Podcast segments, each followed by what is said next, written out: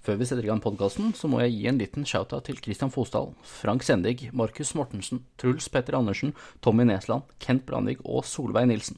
Takk for at dere støtter oss med litt ekstra i måneden.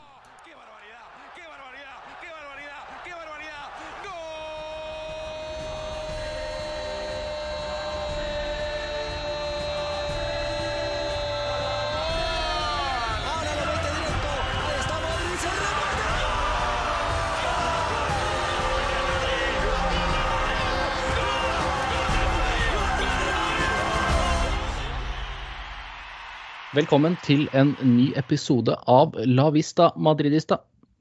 Jeg sitter her eh, nå i 2020 med de gode gamle kara Martin og Hiva. Si hallo. Hello. Hei. Ja, hatt, uh, hatt en fin julefeiring?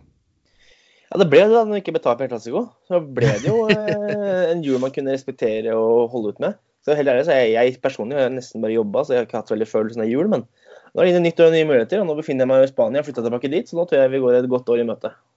Du Hiva, du var jo på Polen. Jo, det stemmer. Jeg var der, og jeg var der med en av mine, eller flere av mine beste venner. Eller ja, egentlig de beste vennene mine, og en av dem er Barcelona-supporter. Så den, eh, den klassikoen så vi på sammen, så det var egentlig veldig viktig det, at eh, Real Madrid ikke røk på tap. Og egentlig, egentlig også enda bedre at Real Madrid, i mine øyne i hvert fall, var det beste laget. Så det, det, det hjalp på.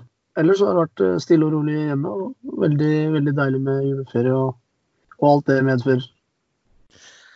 Vi eh, startet eh, 2020 La Liga-rundene i går mot Chetaffe Getafe på bortebane. Og der, Martin, hva skjedde var der? det jævlig kaldt. Som jeg har sagt, jeg var på Camel og jeg har aldri fryst så mye i hele mitt liv. Det var sol og det var fint. Og jeg det her kommer til å gå helt fint. Hadde på meg en lett dunjakke og var egentlig klar for kamp. Så havnet jeg på skyggesida og så ikke et glimt av sola gjennom hele kampen. Jeg holdt på å fryse i hjel. Men nok om det. Eh, Det var en klassisk bortekamp mot Hetafe. Du hadde inntrykk av i starten at Hetafe skulle gjøre det ordentlig vondt for Real Madrid. Og jeg satt egentlig med en dårlig følelse fra jeg satte meg på, på toget til Hetafe. Fordi altså, Én ting er bortekamp mot et lag som alltid er vrient. Og så hadde jo Real også en dårlig historikk med de første seriekampene i et nytt kalenderår. Hvor de kunne ha vunnet én av de siste fem, eller om det jeg husker ikke helt hva det var. Eh, og så var det litt det her med at nå hadde man kommet fra tre kamper og med uavgjort. Eh, et Hetafe som når man måtte tenke over det, kaller Ola Nordmann, skal egentlig være null stress. Men eh, et Hetafe som også jakter europaspill, det er en ganske stor utfordring. Og så merka man tidlig i kampen at her, her var det stemning, og det var, eh, det var de skulle gjøre det ordentlig vondt for Real Madrid. Så er Real Madrid heldig hvor David Soria er helt på bærtur eh, på en dødball en drøy halvtime. Eh, hvor da Rafael Varan får heada inn første skåringen. Så er det også faktisk Varan igjen som skårer i andre omgang, før da Luka Modric punkterer kampen helt på overtid. Og fram til 0-1-skåringa, eller fram til 0-1 og mellom 0-1 og 0-2, syns jeg Hetafe gjorde det veldig godt. De hadde en god kampplan. De skulle tette igjen og ødelegge for Real Madrid. Men så De vant altså på dag hvor de ikke overbeviste veldig spillemessig, og det, det var veldig betryggende å se. For det er sånn det seier som, som populært sier, at de sikrer ligatrofeene. Iva, har du noe du har lyst til å tilføye Martin sin eh, analyse der? Absolutt. Det er, eh, det er fordi også Getafe er et av eh, de lagene som jeg er mest fascinert av i La Liga, som er borte fra Madrid. Og, og kanskje de beste, så, så er- syns jeg Getafe har vært hatt en helt enorm utvikling. Eh, Det er de og Eibar som jeg på en måte har et ekstra øye til, og det er litt med tanke på hvilke forutsetninger de har og hva slags resultater de har fått. Eh, José Bordalas er en eh, Real Madrid-kjenning, han er treneren deres. Så det er et kataffe som, som som sagt har tatt en voldsom utvikling de siste sesongene, og som virkelig skaper trøbbel. De tapte vel for, for Barcelona hjemme også denne sesongen, men man ser at de har tatt steg på, på det de ønsker å ta steg på. Og tidligere så har jeg vel omtalt dem som eh, mini-Atletico, eller eh, ja, sånn enda mer Atletico enn det Atletico kanskje er selv, eh, nå om dagen i hvert fall. Fordi de, de har et helt vanvittig fokus på den defensive organiseringa, og er et veldig godt, eh, ekstremt godt drillet lag, sånn rent taktisk. Fordi du, du, du ser ikke noen usikkerheter i Retafe, og du er veldig trygg på hva du kommer til å få uh, når du ser dem. De kommer til å ligge i 4-4-2. Og hvis de presser, så er det på en måte all out-press, akkurat slik eh, man er vant med å se Atletico da, når de Til vanlig så ligger de lavt, og så når de først går høyt, så går de ekstremt høyt og er veldig aggressive i, i dueller og, og, langs lufta. og gjør lett og slett livet ille for Real Madrid, og det så man uh, egentlig i går også. Jeg syns Real Madrid gjør sånn egentlig helt Nå er det subjektivt fra min side, da, men så syns jeg de gjør en av de verste, sesongene, verste kampene denne sesongen, uh, spesielt i ligaen. Og det er fordi Chetaffe gjør Eh, gjør, gjør, en kjempejobb i det høye presset sitt, spesielt i første gang, hvor de bryter opp spillet til Real eh, gang på gang. Real Madrid ønsker å spille ut bakfra, greier det egentlig ikke. for Du kan ta for se gjennom det. på en måte. De, har, de er så godt forberedt at de, de vet at hvis man ser den, den veldig vanlige Kall det moven da, som Real Madrid pleier å gjøre i det oppbyggende når presset er høyt. Det, pleier å være at ballen til slutt ender opp hos Varan, som får en Carvahal som kommer veldig dypt nesten ved siden av seg, bruker han, og så tar Varan steget fram fordi han har, han har disse beina da, som, han, som, han, lever på. Så tar han steget fram. Og, og da kan Carvahal finne han igjen med ett eller to touch, og, og, da er de forbi det første presset. Men her, her hadde ikke Taffe en mann klar til å bare følge hverandre hele veien.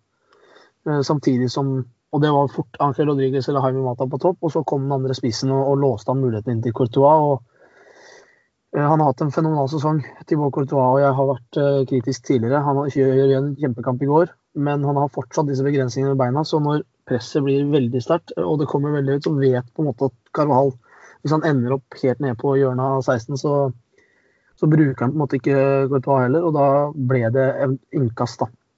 Eller et eller annet sånt ganske ofte. Og så slapper han Madrid med skrekken uh, de gangene Chetaffe greide å vinne. Det syns jeg var på en måte gjennomgangsmelodien. Og så gjør man justeringer i andre omgang hvor Eh, hvor man rett og slett begynner å slå det lenger, helt fra Courtois også, og tenker at OK, men da, da får vi heller være med på krigen. Og da, og da ble jeg egentlig veldig eh, bekymra, for jeg tenker at det, det, det, tror jeg ikke vi, vi, har i oss, å måte krige med Ketaffen. Og så greier jeg Madrid å få disse målene på veldig beleilig tidspunkt.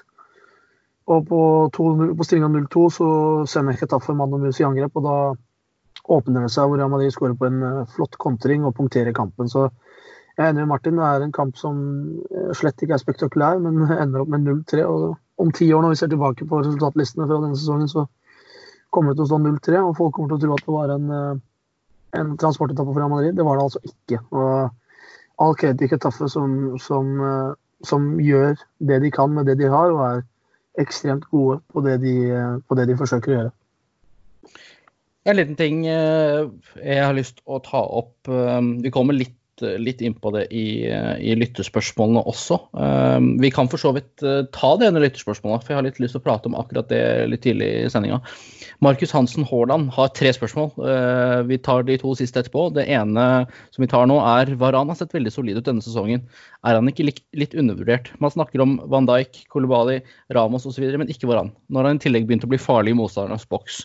Uh, først og fremst så vil jeg bare bemerke, bemerke det at han sier han har begynt å bli farlig i motstanderens boks. Det, bare dit, altså At han skåret to mål i går, eh, klassifiserer ikke han som farlig i motstanderens boks, etter, eh, etter eh, min mening. Han er jo fortsatt, som vi har snakket om tidligere, dårlig på å avslutte. Eh, men denne sesongen her så har det vært, bl.a. i flere kåringer eh, på stoppere, Martin, så har det, har det vært snakk om at Ramos og Piquet og andre stoppere i La Liga har vært eh, suverene og burde være på årets lag. Det er veldig lite prat om Varan, eh, men han har jo levert rimelig bra hittil. Eh, hva er grunnen til det? Helt enig, og jeg tror litt av grunnen til det er at Varan gjør en, en veldig god jobb på det som er litt, eh, litt usynlig, som man kaller det. Hvis man sammenligner kall det stopperparet Varan-Ramos, jeg snakka litt om det tidligere i sesongen nå, med ja, f.eks. kombinasjonen av Militao og Varan, Eh, hvor jeg da hadde inntrykk av at eh, Militao og Varan begge var sånn jeg kaller fallende stoppere.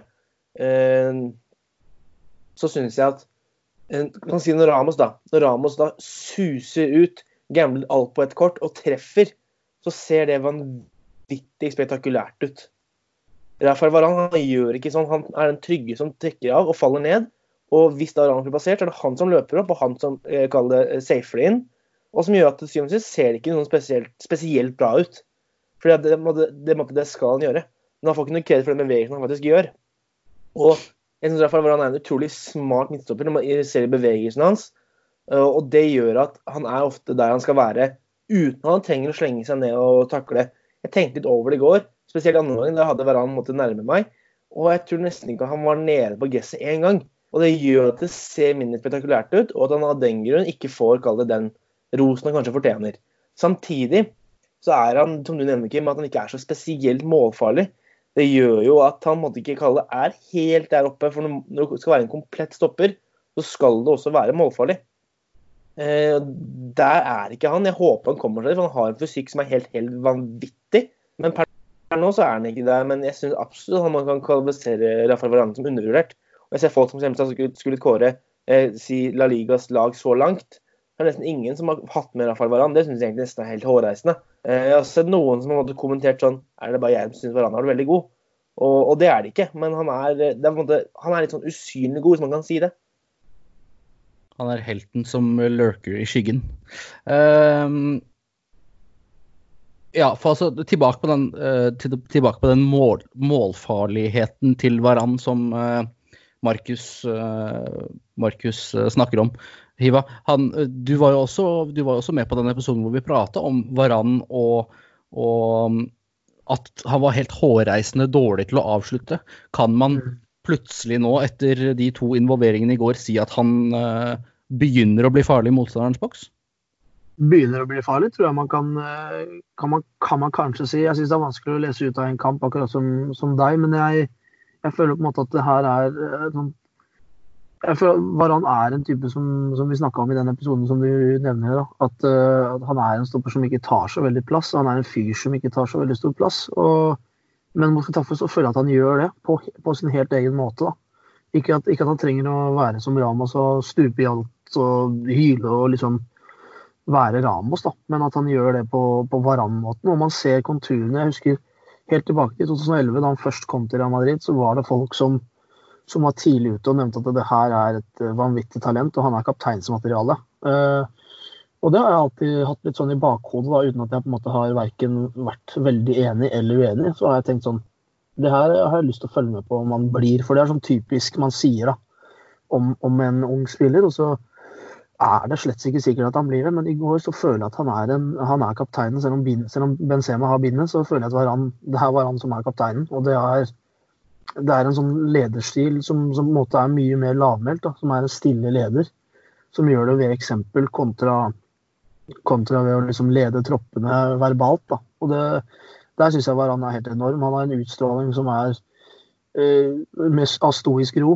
Og så i tillegg så på en måte dukker han opp og, se, og setter de, de skåringene. Det, det føler jeg sier mer om liksom at, han, at, han, har tatt steg som, som leder. Rett og slett på det området at han, at han, vet han er nødt til å ta ansvar. fordi ok, nå har jeg det militære ved siden av meg, det er ikke Ramos lenger. Han Kameraten ved siden av meg har ikke hundrevis av kamper for Real Madrid. Um, så, så, jeg er nødt til å brette opp ermene og være, være, den som, som, står frem, og det syns jeg han gjør helt fenomenalt bra. Så jeg føler det, de to målene på en måte er en liten, sånn, en liten pekepinn på hvor langt han har kommet som leder, da, mer enn noe annet. Jeg håper eh, Markus er fornøyd med svaret på Varan. Vi kommer selvfølgelig til å ta opp de to andre når vi kommer til eh, lytterspørsmål-delen. Eh, det neste vi skal prate om Vi trenger nødvendigvis ikke å ta så veldig mye om det, men vi må nevne det. På onsdag så er det noe nytt som skjer, som ikke har skjedd før. Uh, vanligvis går jo disse kampene i starten av sesongen, og da ikke med fire lag, men med to lag. Men denne sesongen så skal det være en uh, utslagsrunde, uh, semifinale, finale i supercupen i Spania. Real Madrid møter Valencia. Barcelona møter Er det Atletico Madrid? Atletico Madrid, ja. ja. Um, dette skal da skje på, i Dubai, hvis jeg ikke husker helt feil? Ja, for i Saudi-Arabia er ikke sånn veldig inn i hvor de skal spille hen, men uh, det er ja, i Saudi-Arabia. Ja, i Saudi-Arabia. Uh, det er snakk om uh, at man burde boikotte dette her. hvorfor bør man boikotte, og hvorfor bør man ikke boikotte, Martin? Altså Først og fremst syns jeg det her er en veldig veldig, veldig vanskelig situasjon. For jeg forstår veldig veldig godt de som mener man bør boikotte. For at kan, det er ikke til å stikke under stol at grunnen til at Supercopa i Spania er lagt til Saudi-Arabia, det er penger. Penger, penger, penger og enda mer penger. eh, som Luis Rubiales da får inn til spanske, spanske fotballforbundet. Eh, det er jeg ikke fan av. Eh, når man da også velger seg blind på eksempelvis menneskerettigheter, noe som det bl.a. har stått side opp og side ned om i Josimar, som har dokumentert dette her veldig godt når det kommer til arbeidet rundt, rundt VM. Som skal være i Qatar, men det er ganske likt fra land til land der nede. Så skjønner jeg veldig godt de som mener at man bør boikotte. Når det er sagt, så føler jeg at det er ikke vi som fotballsupportere som sitter her i Spania eller i Norge eller i USA eller hvor som helst, som skal ta den avgjørelsen her. Hadde det vært Real Madrid så vi vil ikke dra fordi den beslutningen er tatt om å spille her, vi støtter ikke den, vi kommer ikke til å reise. Da hadde jeg forstått det veldig godt og støtta den fullt ut. Men jeg føler ikke at det er vi som supportere som skal ta den. Og hadde det vært sånn at det kanskje var, kall det en aktiv boikott med flere tusen som meldte seg på, da ville det kunne gjort en forskjell. Da hadde jeg kanskje vært med og forstått det. Men om jeg velger å se kampen eller ikke, det veit jeg ikke vil gjøre noen forskjell. Og ja, det er kanskje litt dumt å tenke sånn, men det er sånn hodet mitt er stilt inn. Altså, altså, jeg er så, så, dum at jeg klarer ikke å vite at det er en Real som foregår uten at jeg klarer å se på den selv. Så det er sånn jeg ser på det. Jeg vet ikke om du, hva du tenker, Hiva? Nei, altså, altså, Jeg mener at det, det, spørsmålet her eh, er så politisk lada at man kunne hatt uh, nesten to podkastepisoder om det. Uh, fordi her er det veldig mange tanker og veldig mange betraktninger jeg mener burde, burde tas med. For å gjøre det så kort jeg overhodet kan, så, så, mener jeg, så er jeg for så vidt enig i det Martin sier. Og så er motargumentet sånn at hvis det skulle vært en boikott, hvis det er sånn at vi er såpass imot Saudi-Arabia som stat, og med tanke på menneskerettigheter og eh, arbeidsvilkår og ditten og datten, så er det veldig mange andre land som vi kunne satt i samme bås. Jeg føler at vurderingen om å boikotte disse kampene i Saudi-Arabia blir, eh, blir sånn, altså For mitt vedkommende så kunne man like gjerne begynne å boikotte tyrkiske serien da, og ikke sett på den. For meg så blir det noe av det samme. For det, det vil alltid være en viss form for subjektivitet i den typen hvis man skal gå til det steget av boikott. Det er sånn jeg ser på det. Fordi det må være en viss du må være såpass uenig i måten en, en, en stat skal driver, rett og slett, og hvordan, hvordan, hvordan, det er der for å kunne gjøre det. Det er, eh, det er en ekstremt vanskelig greie. Man kunne nesten sagt om, begynt å sagt om kinesiske kamper òg. For eh, det er, det er, en del menneskerettighetsbrudd som, som, blir gjort der også. Og, og, det er kamper som har blitt spilt der av samme type. Jeg vet at den uh, italienske supercupen ble spilt i Saudi-Arabia også, hvis jeg ikke tar helt feil. Sånn at uh, nå nylig var vel det Ja, det var klubb-VM òg, så det begynner å bli en del sånne greier. Og, og jeg syns den boikott-greia, den er uh, den er ekstremt vanskelig å drive og vurdere. Og det er sånn at man er nødt til å ta et valg som, selv som person. At vil du ta den veien, så syns jeg man skal være konsekvent på det hele, hele tiden. Og begynne å se litt sånn med lupe hva som, hva som foregår i disse forskjellige landene, og så, og så ta stilling til det. Eh, jeg syns det er et veldig det er, en, det er en ære i å, i å, på en måte avstå fra å se de kampene. Det syns jeg. Og jeg syns det er helt, eh, helt, kurant å mene det. Og det er helt riktig at det foregår ting der som alt ikke burde skje i det hele tatt. Og at man derfor kanskje ikke burde være med på pengegaloppen. For når vi skrur på skjermen og ser på, så er vi indirekte med på å bidra og rettferdiggjøre at kampen blir spilt der. Det er jo det som er argumentet. Og så føler jeg at det får bli opp til eh, enhver å måtte vurdere det ut fra, ut fra hva en selv greier å måtte svelge, da, sånn sett, eller ha samvittighet til. Jeg vet om folk som, som, som kommer til å skru av på, på onsdag, men uh, det er igjen det er en, Når man har fakta på bordet, så får man ta en avgjørelse rundt det selv. For mitt vedkommende så er og forblir en fotballkamp. Og, og, den, og der er Madrid involvert, så mest sannsynlig så ser jeg den på onsdag. Men, eh, men som sagt, det får, det får, være dumt av meg og Martin. Det får være hodeløst eller hva det måtte være. Og, og det, er sånn, det, er, det, er litt den veien vi har gått i. Man ser at uh, Qatar, den samme staten som har fått veldig mye kritikk og, og har hatt det har skjedd grusomme ting i byggingen av de stadionene som skal være til VM i, i 2022. Uh, det er den samme staten som praktisk talt finansierer Paris Saint-Germain. Så da begynner man å tenke ok, men da skal skal man, skal man boikotte alle på, på PSG-kampene? da? Skal man ikke se de når de spiller mot Real Madrid? da? For Det blir litt samme greia, uh, for meg i hvert fall. Og det er det samme Manchester City, som også har, um, som også har oljepenger inn der, som, som, kanskje ikke har kommet på det mest uh, rene vis, da, kall det det. Og det, verden, Fotballverdenen har på en måte allerede blitt forkludra med det. Så det det å komme ut av den greia, det tror jeg blir ekstremt vanskelig. Um, jeg kommer også til å se den kampen. Um, ja, som du sier. Eh, det får bare være dumt av oss som sitter her og spiller inn, og om vi velger å se den kampen. Eh, men igjen, eh, det er, det er for, å, for, å, utføre en boikott, så må det større tiltak til enn noen, noen seere. Selv om alle, alle, som ser på, bidrar. Så for at det skal ha noen konsekvens, så må det større, større krefter til. Som du, Martin, sa hvis Real Madrid hadde sagt nei, vi drakk og spiller, eller alle fire lag hadde sagt nei, vi drakk og spiller, så hadde jo det fått en uh, mye større konsekvens enn uh, hva det vil ha hvis jeg ikke velger å skru på, på TV-en. Men uh, så, så, PSG, da, som du sier, man må slutte å støtte de. Hvis man, hvis man da kjøper Mbappé til sommeren, da, betaler tre rundt tre fra han så vil jo det også bidra til å støtte de for å gi dem mer, mer penger. Så det er mange, mange ting som, eh, som uh, spiller inn her. Men man, man, tar det valget man ønsker å ta, og så respekterer man valget til den personen som har valgt det den velger å gjøre. Vi kan gå videre til, til lyttespørsmåldelen, for der er, bruker vi jo gjerne mest tid. Og da er det jo Markus igjen som eh, starter, fordi han sendte inn tre spørsmål. Og det første han spør om, er hva tenker dere om Ødegaard på midtbanen til neste år? Og hvordan ville midtbanen sett ut om han spiller i hvitt fra neste sesong? Uh, Martin, da kan du starte med hva vi tenker om Ødegaard på midtbanen neste sesong. Ja, altså, Jeg har hatt ganske mye diskusjoner uh, om det her med familie og venner opp gjennom jula. Eh, hvor veldig mange er sånn overbevist om at Real Madrid må ha tilbake Ødegaard. Ødegaard er så god at han må inn tilbake på Real Madrid. og Få det, få det på, få det på. Hent den i januar, hent den fort som mulig, bla, bla, bla. Jeg er av litt den kjedelige eh, oppfatning av at Real Madrid bør ikke hente Ødegaard tilbake. Spesielt hvis eh, Real kommer seg til Europa. Hvis de kommer seg til Europa, mener jeg det vil være en tabbe av å hente Ødegaard tilbake til, til klubben. Fordi i La Real nå så har han en stjernestatus hvor spillerne ser til han. Han har en litt annen rolle enn det han ville få til Real Madrid, men det vil jeg komme litt tilbake til. Men han har en status som gjør at hvis spillerne er i en pressesituasjon, så spiller de til han.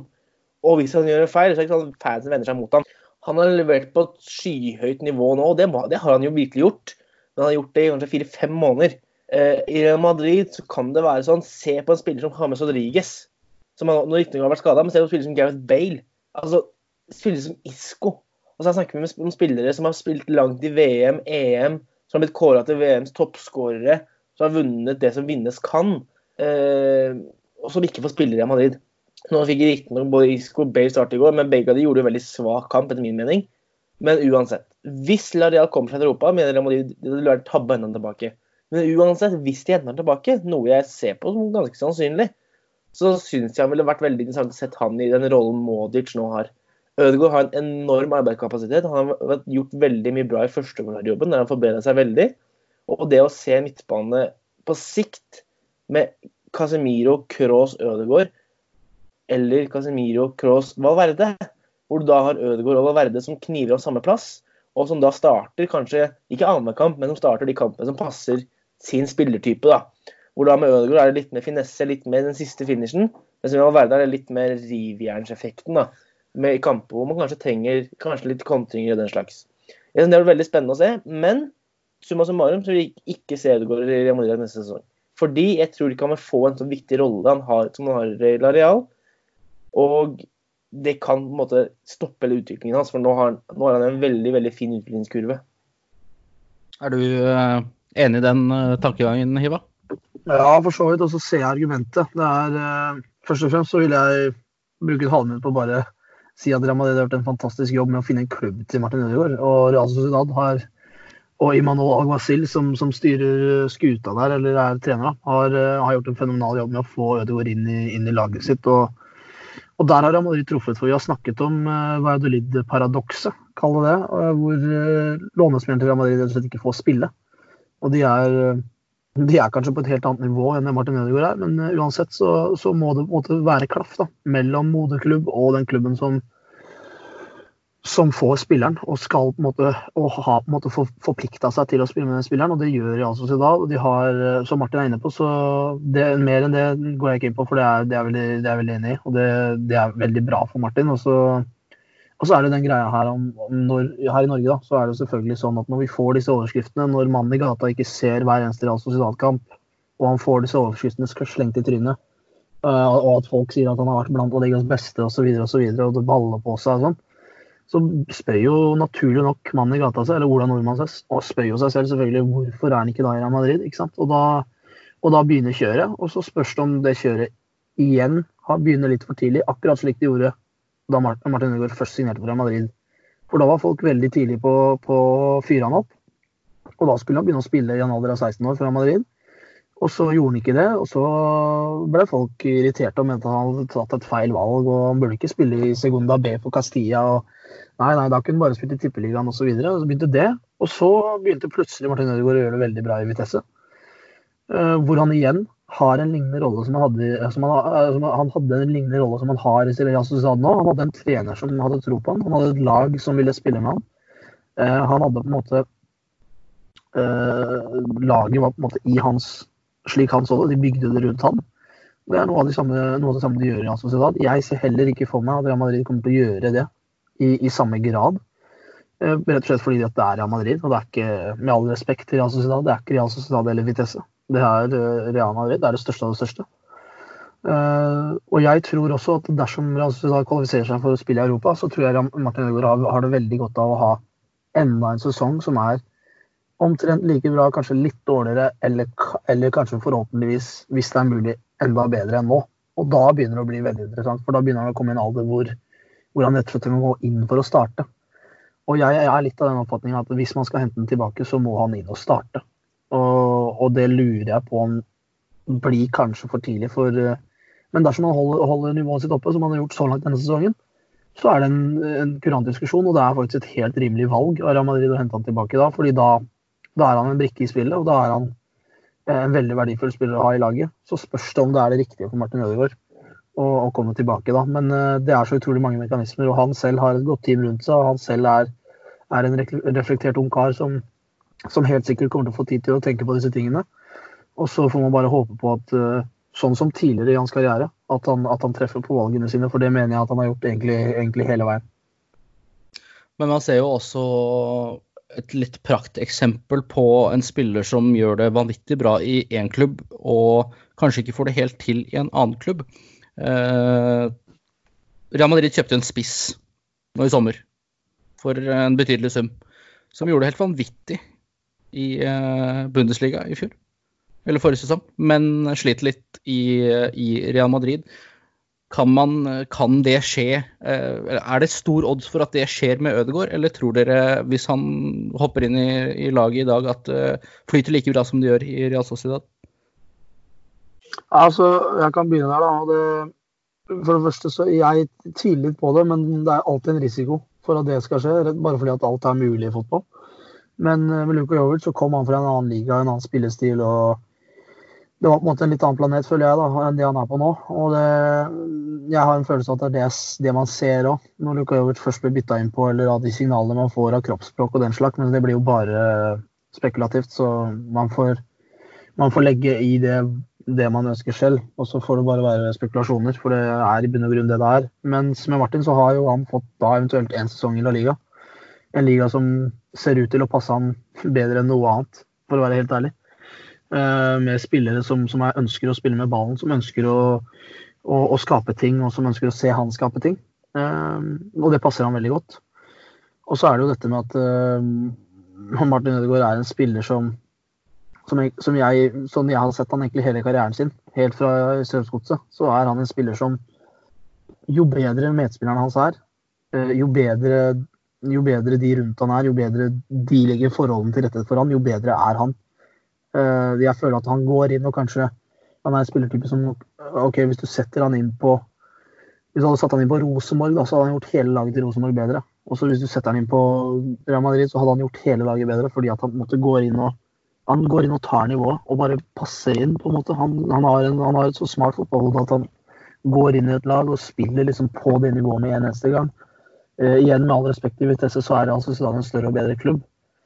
Og du ser at han, han spiller med bedre spillere, og da plutselig så, så er det flere målpoeng. Og det, jeg føler at det er et veldig godt argument for det jeg nettopp skisserer nå. At han, han er en spiller som gjør det bedre jo bedre medspillerne er. eh, Fordi at da har han rett og slett mer å spille på, og han har, mer, han har flere strenger å på en måte servere folk på. Fordi at det, de spillerne han har rundt seg, rett og slett er av en høyere kvalitet. Og da kan han også begynne å kreve mer av de. Så jeg, Det er sånn jeg ser på Martin Ødegaard som spiller eh, egentlig hele veien. Det er en enorm kvalitet han har. Jeg mener også at uh, Martin Ødegaard bør starte hvis han går tilbake til Real Madrid, men jeg er enig i det Martin sier, at uh, spesielt hvis Real Sociedad klarer en europaplass, så bør eh, Real, Ma Real Madrid la Ødegaard være i Real Sociedad en sesong til, og la han spille litt mer der. Jeg tror, jeg tror helt ærlig ikke Ja, Ødegaard er kjempe, kjempegod og har gjort, et, gjort det vanvittig bra denne sesongen her. Men jeg tror ikke han bare hopper inn og har en fast start i, eh, startplass i Real Madrid om han går dit. Eh, og Derfor tror jeg det er tryggere at han eh, kjører en sesong til i Real Sociedad. Vi går videre på Markus sine spørsmål. Han spurte om Varan, det har vi svart på. Men han sier at Valverde viser igjen klasse og lagånd. Han er bare 21 år. Hvor viktig tror dere han blir for Real Madrid i fremtiden, Martin? Altså, det er litt samme Nå kommer ikke inn på praktisk eksempel, men si en spiller som i sin tid Monir El Adadi. Han brøt igjennom i Barcelona, skåret mål, debuterte på det spanske landslaget, og så forsvant han litt. Nå spiller han i Sevilla og gjør det helt OK der. Men jeg, jeg biter meg merke nå at Zidane han starter ikke eh, Federico Valverde i hver kamp, uavhengig av hvordan han egentlig har gjort det. Det synes jeg er interessant. For i går synes jeg var rart, for da ville jeg sett han i en kamp mot eksempelvis Hetafe. Men det har litt med det med å holde han på jorda. Ikke at jeg tror det er et problem. Men altså, han har vært veldig veldig god, litt på samme måte som Ødegaard, nå i fire-fem måneder. Kanskje bare to-tre også. For han, det var jo først etter kampen mot Atletico i november at han virkelig brøt igjennom. Men det er det med at det har vært bra så lenge. Den skal liksom holde i si, kanskje i hvert fall ti år til. da. Og da er det med å gi han litt jevnlig matching. Ikke kaste han inn på hver eneste kamp.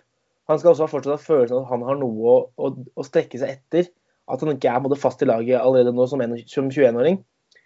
Uh, så jeg tror Valverde med rette coachinga og rette matchinga kan bli en ekstremt, ekstremt viktig spiller i Madrid. Jeg ser veldig mye av Jeg nevnte det tidligere, litt sånn rivjern. Sånn, han tar alltid i et tak. Altså, det skjer noe når han kommer inn. Litt samme som f.eks. Arturo Vidal, nå, da han var på sitt aller beste i bl.a. Juventus.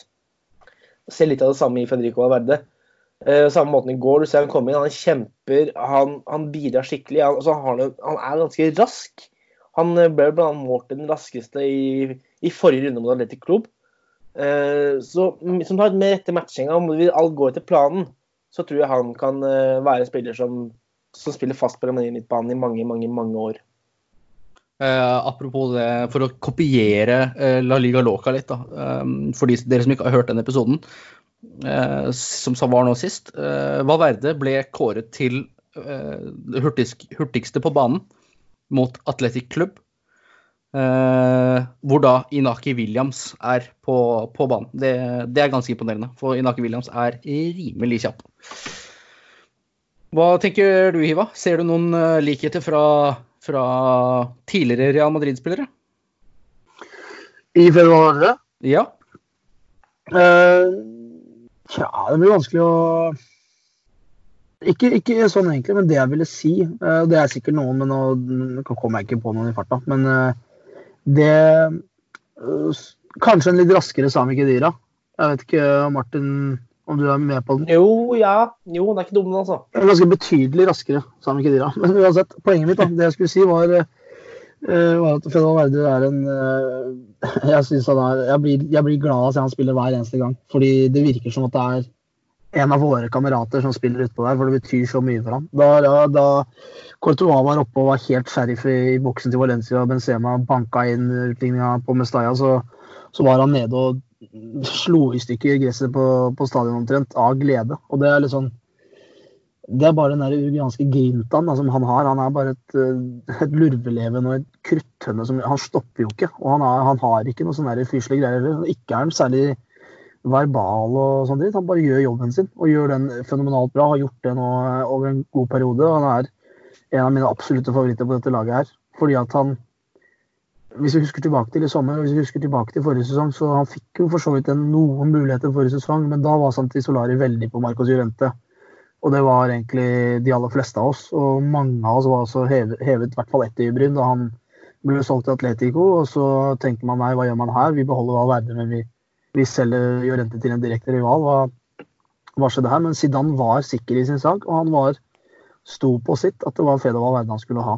Og nå, sett i, i hvert fall eh, fire-fem måneder i ettertid, så, så virker det å være et greit valg. Og det er litt av den jeg nevnt også med, som vi var inne på da vi snakket om Venicius og Rodrigo for en del podkaster siden, og den trener-spiller-connection. fordi at eh, for, for, for, spillere, for mange spillere, det er, ikke, det er ikke alle som har det, men en del spillere så har de den der at det, eh, den koblingen med inn mot treneren er så ekstremt viktig. Og det virker som at her har Zidane funnet seg en spiller som på en måte er hans, og som han kan eh, ta frem. Hvis man kan i hermetegn kalle Venicius for Solari sin spiller, så er Valverde helt soloklass i sin. Og det er et valg han tok, og han sto på det, og han skulle ha Per Valverde inn mot denne sesongen her. Og da var det folk som lurte ja, men vi bytter bort en, en som kunne vært et reelt alternativ til Casemiro, mot en som egentlig burde spille i en av de to andre rollene på midten. Og så kan man jo selvfølgelig spille den dype òg, men vi, vi stussa på det, ikke sant. Men her har her har både Valverde og Zidane gjort disse kritikerne litt til skamme da, med, med, med, det de har vist denne sesongen. Og det er eh, ekstremt gledelig å, se en sånn type spiller prestere såpass godt. For det, man ser hvor mye det betyr for han, og man ser hvor mye det betyr for, for supporteren også. Å ha en spiller som, som legger igjen alt av blod, svette og tårer på banen hver eneste gang. Så han kan utvilsomt bli en stor spiller i Real Madrid-historien. Og virker som han har beina, begge beina veldig godt planta på jorda. Håvard eh, Laland har stilt eh, to spørsmål, han også. Eh, vi tar det første først, selvfølgelig. Og Hiva, du kan muligens svare litt godt på den her. Hva er vår toppform, skråstrek toppnivå? Vi har sett det fra PSG, men når prikker vi inn? Altså, når oppnår vi det Jeg tror han mener når oppnår vi det kontinuerlige toppnivået vi har potensialet til? Ser du, ser, du noe, ser du noe fremtid på den, holdt jeg på å si? Ja, det er jo mulig å prøve, å prøve seg litt på det. Det er, jo, det er jo vanskelig øvelse, selvsagt. Men eh, jeg vil jo si at eh, de første 80, eller i hvert fall 75 minutter mot PSG syns jeg er fenomenalt bra. Mm. Det, det, vil jeg si er det beste man har sett så langt. Og det, det er liksom det man må gå ut etter. Og så har det vært en del kamper hvor Real Madrid Uh, Real Madrid egentlig ikke har vært spesielt gode, men sånn som denne her da, mot Getafe, men vinner med, med, med 0-3, uh, eh, som også er et, et, tegn på styrke. og Det er liksom tegn, typisk Zidane-tegn på styrke, som vi husker fra hans forrige periode. Hvor Real Madrid kanskje ikke var spektakulær i hver eneste kamp, men det var ofte at man, man unngikk hvert fall å tape, eller man tok alle tre poengene med sene skåringer.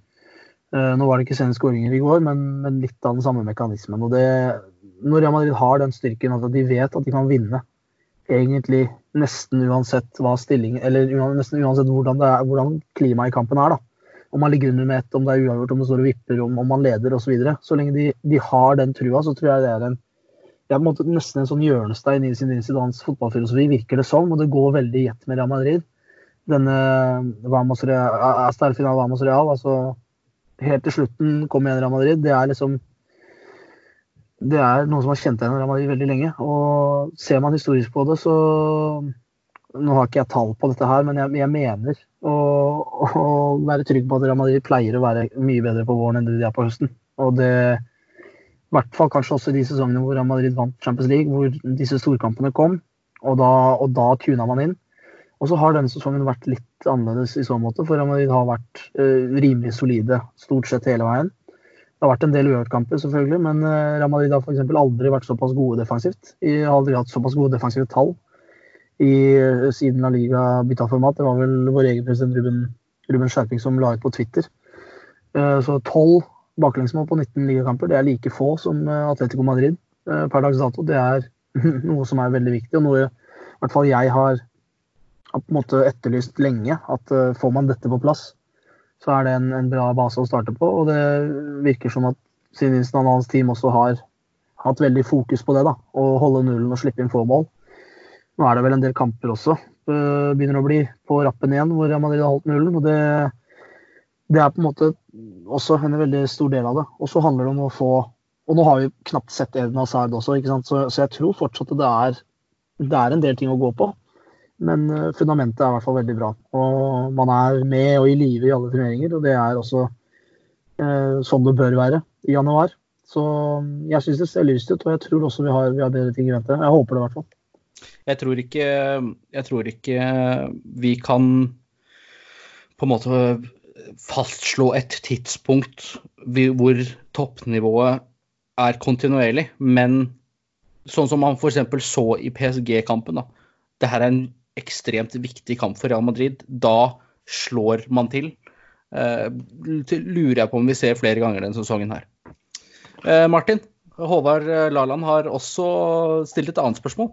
Da skal du få ta en liten eh, prediction. Jeg har allerede, jeg har allerede tatt én av dem, så du, du kan ta resterende. Hvem kommer inn i sommer? Mané, Mbappé, hva mangler vi? Nå har jeg allerede sagt at MAP kommer inn i sommer. Det, ja, du har det. Eh, det, altså, det, håper jeg veldig, veldig, veldig, veldig, veldig at skjer. Foruten om det, nå vet man ikke helt hvem som forlater klubben. Eh, jeg har en del spillere jeg kunne gått hjem med. Jeg vil f.eks. ha Lukas Vaskes ut. Nå vil de få tilbake Marco Ascensi fra skade i sånn mars-april-tider. Han vil jo bli som ny signering. Og når da Lukas Vaskes Jeg kan ikke si jeg savna han, han har vært uten skade. Når du da får inn igjen der, så syns jeg det er veldig spennende. Uh, hvis man tar det sånn ledd for ledd, så syns jeg ikke det er noe poeng i å selge noen i angrepet. Det kommer litt an på om MAP kommer inn. Kommer han nå går det rykter om Benzema forlenger kontrakten sin. og Jeg kan ikke helt se for meg at man skal se det over til tredje sesong, men det er litt sånn spennende å se. for Jeg vil jo anta at MAP vil komme som midtspiss. Men den tiden så, der tror jeg ikke noen forsvinner. Eh, på midtbanen eh, der vil jeg egentlig ha Modic ut. Eh, det gjør vondt å si det, men han er vel nå 34. Klarer ikke å holde det samme toppnivået over lengre tid lenger. Er ikke så god som den gang var. Og da kommer det an på, da. Kommer Martin Ødegaard tilbake, eller hva skjer? Jeg personlig er ekstremt svak for Bernardo Silva. Og så er det veldig spennende å se han i en sånn rolle som Modic har. Ikke at jeg tror det skjer, men det var veldig spennende. Men jeg tror Modric forsvinner. Og så tror jeg rett og slett at Martin Ødegaard kommer tilbake, og at det blir rullering mellom han og Federico Valverde på den plassen. Det tror jeg. På ankerposisjonen så vil jeg at jeg må hente inn enten Florentino Louise fra Benfica eller Eduardo Camavinga. Eh, gjerne begge to, men jeg tror nok at man helst prøver seg på Camavinga, som er den yngste. Han tror jeg vil hentes inn, og så vil han bli utlånt i hvert fall en sesong til, til renn. Og da som en kortsiktig løsning som eh, reserve på anker, så håper jeg at om de henter Mark Roca For Real Madrid bør ha et alternativ til Casemiro, og det har de ikke nå. Jeg syns ikke Valverde er like god og dominerende som anker. Eh, og Derfor så håper jeg litt at Spanjol rykker ned, sånn at de kan selge Roca til en veldig billig penge. Og i Forsvaret så tror jeg at uh, Alvaro Odriozola forsvinner, og at Acha Fakimi kommer inn samme måte som jeg tror at Marcello forsvinner og at Sergio Regilon kommer inn. Altså Begge to sistnevnte som kommer inn, kommer da tilbake fra lån. Eh, på midtstopperplass tror jeg ikke det skjer noe som helst. Jeg tror fortsatt Nacho vil klamme klamre seg fast til den sitteplassen der, fordi han kan spille overalt. Eh, og jeg tror verken Ramos, Militao eller Varan kommer til å forsvinne. Så du eh, tenker ikke at det blir noen eh, store andre signeringer enn eventuelt Mbappé? Nei, jeg tror dog at det kan komme inn en ny reservekeeper. Fordi det lånet til Areola det kommer til å gå ut. Og da spørs det liksom, hvem er det de henter inn da, hva gjør de da? Jeg syns ikke Lucas Zidane holder nivået til å være reservekeeper i Real Madrid. Det syns jeg egentlig ikke. Um, dog så har man f.eks. tidligere eller mange keepere i La Liga som har erfaring og har vært i Real Madrid før. F.eks. Fernando Pacheco, David Soria til Retafe. Uh, har man klart å hente en av de med, liksom, som har vært i Real Madrid, som kjenner klubben, så sier jeg det har vært spennende, men jeg tror at Real Madrid da, med forbehold om sine samme trener, at de altså ender opp med å ha um, Lucas Zidane som reservekeeper.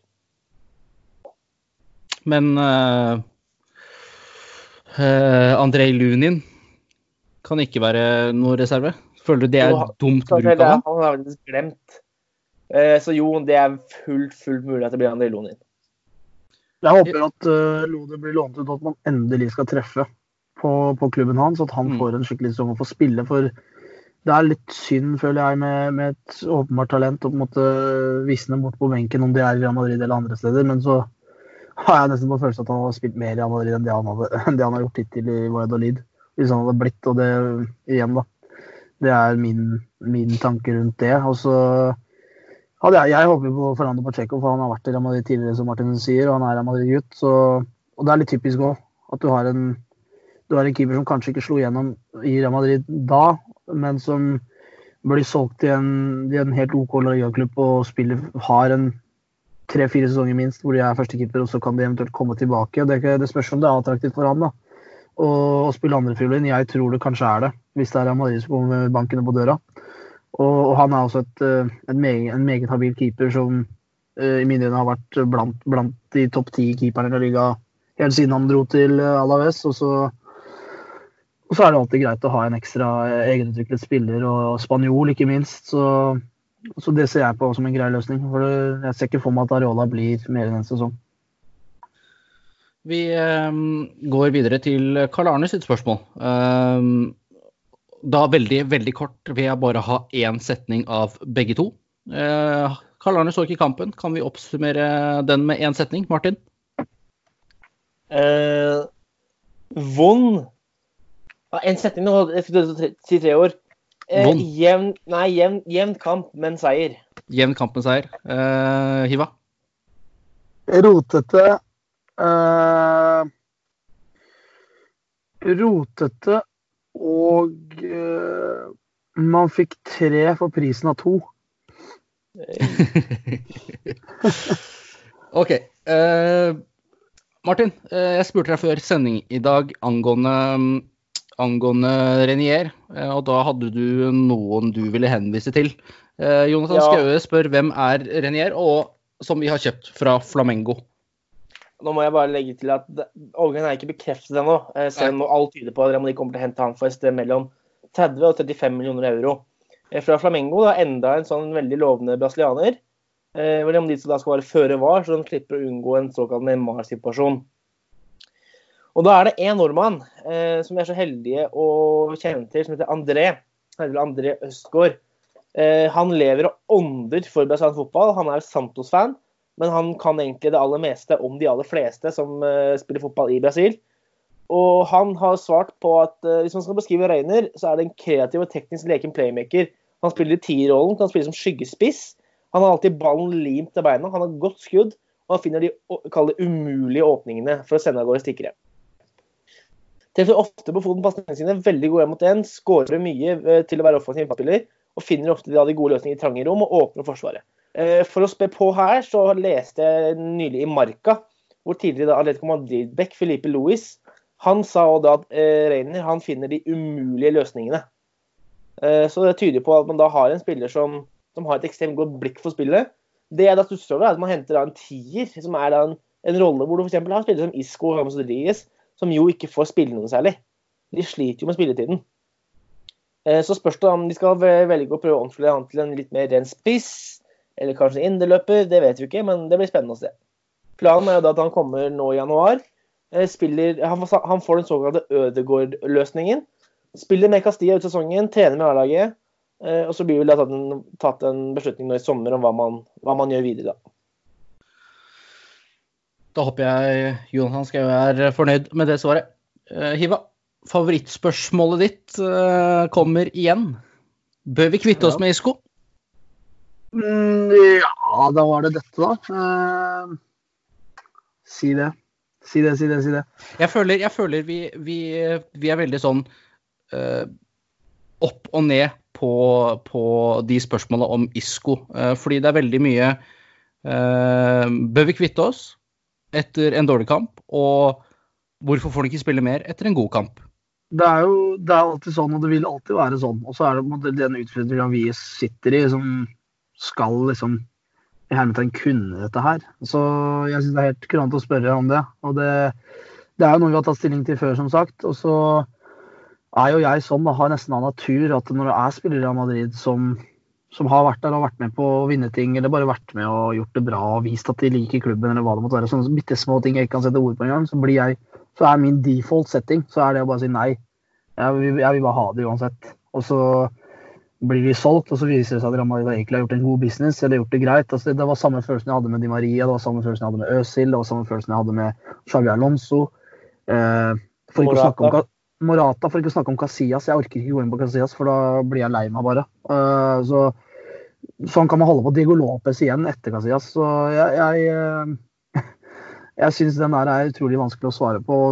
Som sagt, default-svaret mitt er nei, bare fordi at jeg er glad i Isco. Og jeg, jeg, jeg har lyst til, og jeg har et sånt lite håp om at han skal finne tilbake til, til storformen igjen. Og han har jo hatt en tendens til å liksom forsvinne bort, og så plutselig så er han der og, og leverer på nytt igjen. Og han hadde jo Eh, fra å være helt ute i kulen omtrent, i hvert fall for oss utenforstående, til å begynne å starte kamper igjen under Zidane. Og jeg er ganske sikker på at han er en av uh, franskmannens favoritter.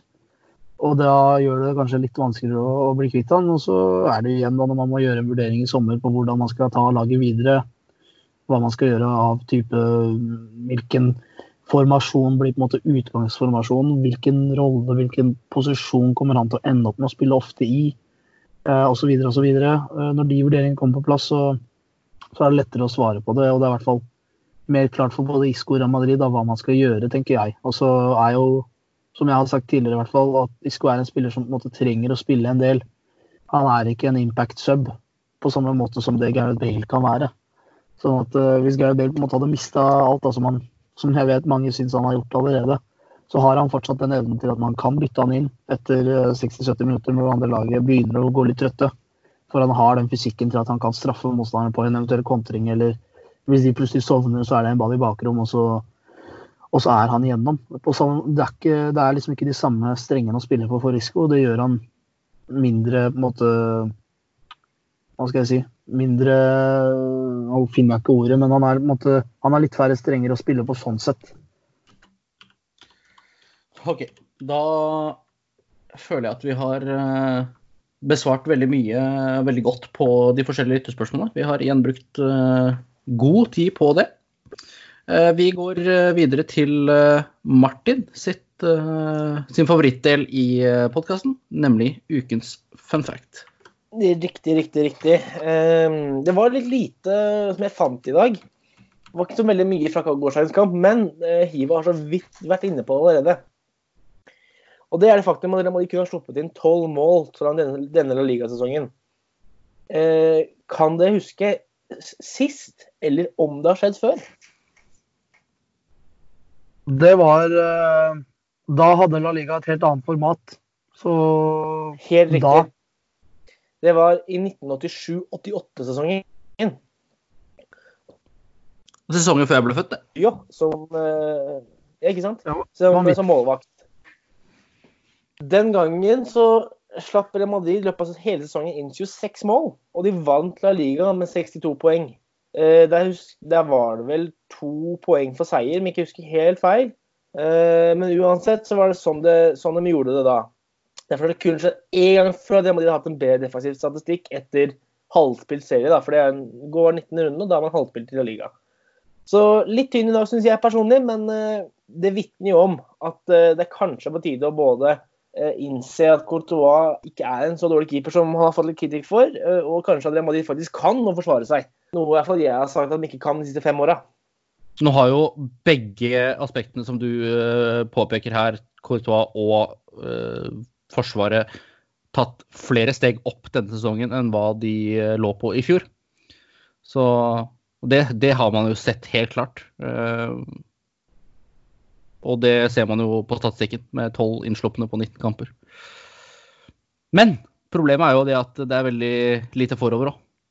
Så ja, man kan jo slippe inn så lite mål man vil, men hvis man ikke skårer mange nok mål, så hjelper jo ikke det så mye.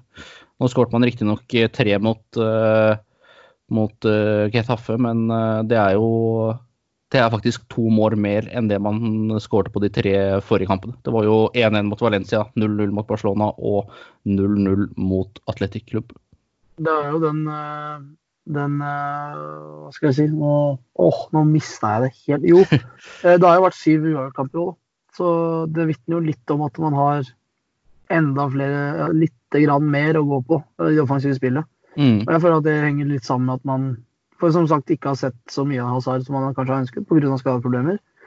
Og han vil naturlig nok bidra til, om han ikke skårer så mange mål selv, så kommer han til å legge opp for andre. Og så har det vært andre skadeproblemer, og det har vært øh, ja, øh, Venicius som på en måte trengte litt tid på å finne seg selv på nytt, nesten. Så det er øh, Ascensia har vært ute osv., så, videre, så det er, det er en greie der, altså. Hadde vært litt morsomt, ikke at vi skal bruke tid på det nå, men det hadde vært litt morsomt å sjekke hvor mange av de syv uavgjort-kampene har Hazard uh, vært på banen. Uh, går du videre til Panenkan, godeste Martin? Det skal vi gjøre, vet du. Da var det altså gårsdagens kamp mot Retafe, hvor det var to stykker som fikk inn sin Panenka. Det var Marius Steinå som meldte at både Real og Retafe får kort. Den må jeg si jeg syns er ganske tynn. Fordi Retafe er et av de lagene i La Liga med flest gule kort. Og Real Madrid med spillere da, som bl.a. Casemiro eh, i startleveren, da sier seg at det kan fort bli noen kort. Så der tenker jeg umiddelbart ett poeng. Vet du hva dere tenker? Helt enig. Enig. Da noterer vi det. Neste er Tobias Lunde. Han nevnte at Real Madrid skårer i begge omgangene. Den er litt mer interessant, for Real Madrid har jo hatt litt småproblemer med å kalle det få litt hull på bilen denne sesongen her. Eh, og i hvert fall tidlig i sesongen så var det sånn at man først skårer, og så skrur man litt, litt sånn av. Men her tenker jeg at allikevel så er det ikke sånn det er ikke sånn kjempehøyt nivå på den her. Jeg tenker en to, kanskje tre poeng. Det har jo vært uh, flere kamper hvor, hvor uh, man sliter med å score, og scorer i andre omgang. Eventuelt at man scorer i første omgang og ikke noe i andre omgang. Det jo, men det har også vært kamper hvor man scorer begge, selvfølgelig. Men uh, altså, den, er, den, er, jo sterkere enn en, Panenkan med kort, men ja, kan man, kan man, si tre poeng på den, egentlig? Skal man si to? Hva, Hva tenker du, Iva? Med tanke på de siste kampene, så er det, det er jo et reelt argument at man burde si tre, da, med tanke på at Real Madrid ikke har skåret ja. noe særlig. Men uh, igjen, da, så har det jo på en måte skjedd før. Og så tenker man å, det er ikke tatt borte. Mm, det er en ganske tøff kamp, egentlig. Jeg har, jula, jula, er ferdig, jula er ferdig, så to poeng men, ja, men på bakgrunn av at ett mål på tre kamper, og så melder han to mål uh, ja, ja, nei, vi sier, vi sier, to poeng på den, Martin. Da har uh, juryen talt, det blir to poeng på det. Det var de poengene som gikk inn uh, denne runden her. Så det var det. Yes. Ja. Da durer vi videre til Liga de Perifion, og der møter Real Madrid Valencia i Supercup på det Spania nå på onsdag. Kampen spilles klokka åtte nå fra det norsk-spansk, da i Saudi-Arabia. Kampen spiller naturligvis på naturlig bane, eller nøytral bane, men uh, Real Madrid er oppført som bortelag. Derfor så mener jeg at Real Madrid uh, vinner, det tror jeg. Jeg tror kampen første målskårer blir Sergio Ramos, og at han skårer i det 48. minutt. Jeg tror Real Madrid vinner 1-2. Og jeg tror at kapteinen som blir kåret til banens òg blir Sergio Ramos. Eh, Panenkaen min er at Sergio Ramos han skårer. Han får gult kort. Og det er en ting til. Han blir utvist. Etter to gule kort. OK. Han skårer og blir utvist. Ja. Med to gule kort. Helt riktig. Ja. Hiva. Yes, eh, jeg tror også Real Madrid vinner, og de vinner med sifrene 0-2, siden de står oppført som bortelag. Første målskårer det kommer til å bli Karim Benzema etter 32 minutter kapteinen, altså den eh, spilleren som eh, vi i redaksjonen kårer som beste, det blir Federico Valverde. Og panenkaen mine er at Valencia har tre skudd på mål. OK. Um, jeg har eh, samme resultat som Martin. 1-2. Første målskårer blir Tony Kroos. Han skårer i 43. minutt. Kapteinen i den kampen blir Courtois. Han leverer en vanvittig kamp fordi Valencia har mer enn tre skudd uh, på onsdag, Hiva. Eh, en annen ting er uh, at Panenkaen blir Courtois redder straffe. Fordi det ene gule kortet Ramos får, er, er fører til straffe. Og når han da har reddet straffen, så har han ikke nødvendigvis akkurat da, men han leverer en assist ved å slå en langball framover. En uh, Terstegen-assist, om uh, du vil. Så okay. Courtois redder straffe og leverer assist i den kampen. Såpass, ja. Ja, all Nei. in or nothing. Jeg må sanke poeng nå. Jeg Ligger langt bak. Da er vi ferdig med uh, Liga de Prediction og går videre til ukens eh, refleksjon. Og jeg ønsker å starte der. Eh, Tenk på, en, eh, tenk på en liten ting den siste uka for meg selv. Og det vil jeg at dere andre skal tenke på også. Eh, jeg har tenkt tilbake på 2019 og hva jeg eventuelt selv føler jeg gjorde feil, og hva jeg burde gjort bedre. Og, og vet med det punkt, et par få punkter jeg kan forbedre meg selv på i 2020. Og vil at dere andre skal eh, ta en titt tilbake på deres, eh, deres 2019. Tenke hva kunne jeg gjort bedre, hva var det jeg gjorde feil. Man lærer jo alltid av sine feil, og det er det viktig at man gjør i 2020. Eh, se fremover og, og vær den beste utgaven av deg selv. Fy fader, så poetisk du har blitt, Kim. Det er helt sjukt. Jeg har funnet blitt rene poeten. jeg har funnet et lite sånn, sånn greie her nå i denne, i denne poden. Jeg, jeg kan gå neste, og min henger litt sammen med Kim sin, egentlig. Uten at den er eh, Den er ikke fullt så dyp, kanskje. Jeg, jeg vil i hvert fall ikke at den skal være det. Men eh, det er jo nyttår, og da er det sesong for nyttårsforsetter. Og da har jeg i hvert fall fått en sånn liten aha-opplevelse i løpet av 2019, og det var at eh, jeg, tidligere så har jeg syntes nyttårsforsettet bare har vært tull og rør og ikke noe å henge seg opp i. Det, bare, bare, altså det ordner seg ikke uansett. Men i fjor så hadde jeg et nyttårsforsett som var veldig mye mer konkret enn det, enn det jeg har hatt tidligere, hvis jeg i det hele tatt hadde noe før. Så mitt tips, rett og slett, hvis man liksom er litt sånn som jeg var, da, og var skeptisk til det og egentlig hadde null trua på de greiene der, og, og så videre, det er å rett og slett ha et veldig konkret nyttårsforsett. Altså hvis du kan velge noe som det er lettere å måle enn liksom sånn 'jeg skal bli et bedre menneske', eller eh, 'jeg skal være mer snill', eller bla, bla, bla. For det er så mange, er så mange variabler der, og det er så vanskelig å på en måte vurdere. Du gjør det jo bare selv, altså det er ingen andre som kan si noe på det. Men uansett, jeg føler at det er lettere å oppnå et resultat ut fra de nyttårsforsettene hvis man, hvis man gjør det ganske konkret. Altså f.eks. å lære seg et eller annet, eh, lære seg å snekre, eller lære seg å eh, lære seg nytt språk eller et eller annet, så, er det, så har jeg erfaring med at det, det er mye enklere å få til. Fordi det er mye lettere å se hvor langt du har kommet på slutten av året enn en, en andre ting. Og det er også mye lettere å holde, holde tritt underveis og ikke liksom glemme nyttårsforsettet. For det føler jeg er litt sånn typisk at man gjør kanskje hvis man er flink, så holder man ut i februar eller mars, og så glemmer man det litt. Men er det noe du syns er litt kult, eller du gjerne skulle lært eller visst hvordan å gjøre, så velg det. Da kommer du mest sannsynlig til å få det til. Nå har jo dere begge tatt noen nyttårsforsett og litt sånn eh, ja, poetisk og vært skikkelig flinke. Jeg går rett tilbake fotballen. Jeg er holder meg kun til det. Det er kun det som gjelder her nå. Og jeg har lyst til å snakke om Gareth Bale. Altså, herregud og uinteressert han så ut i går.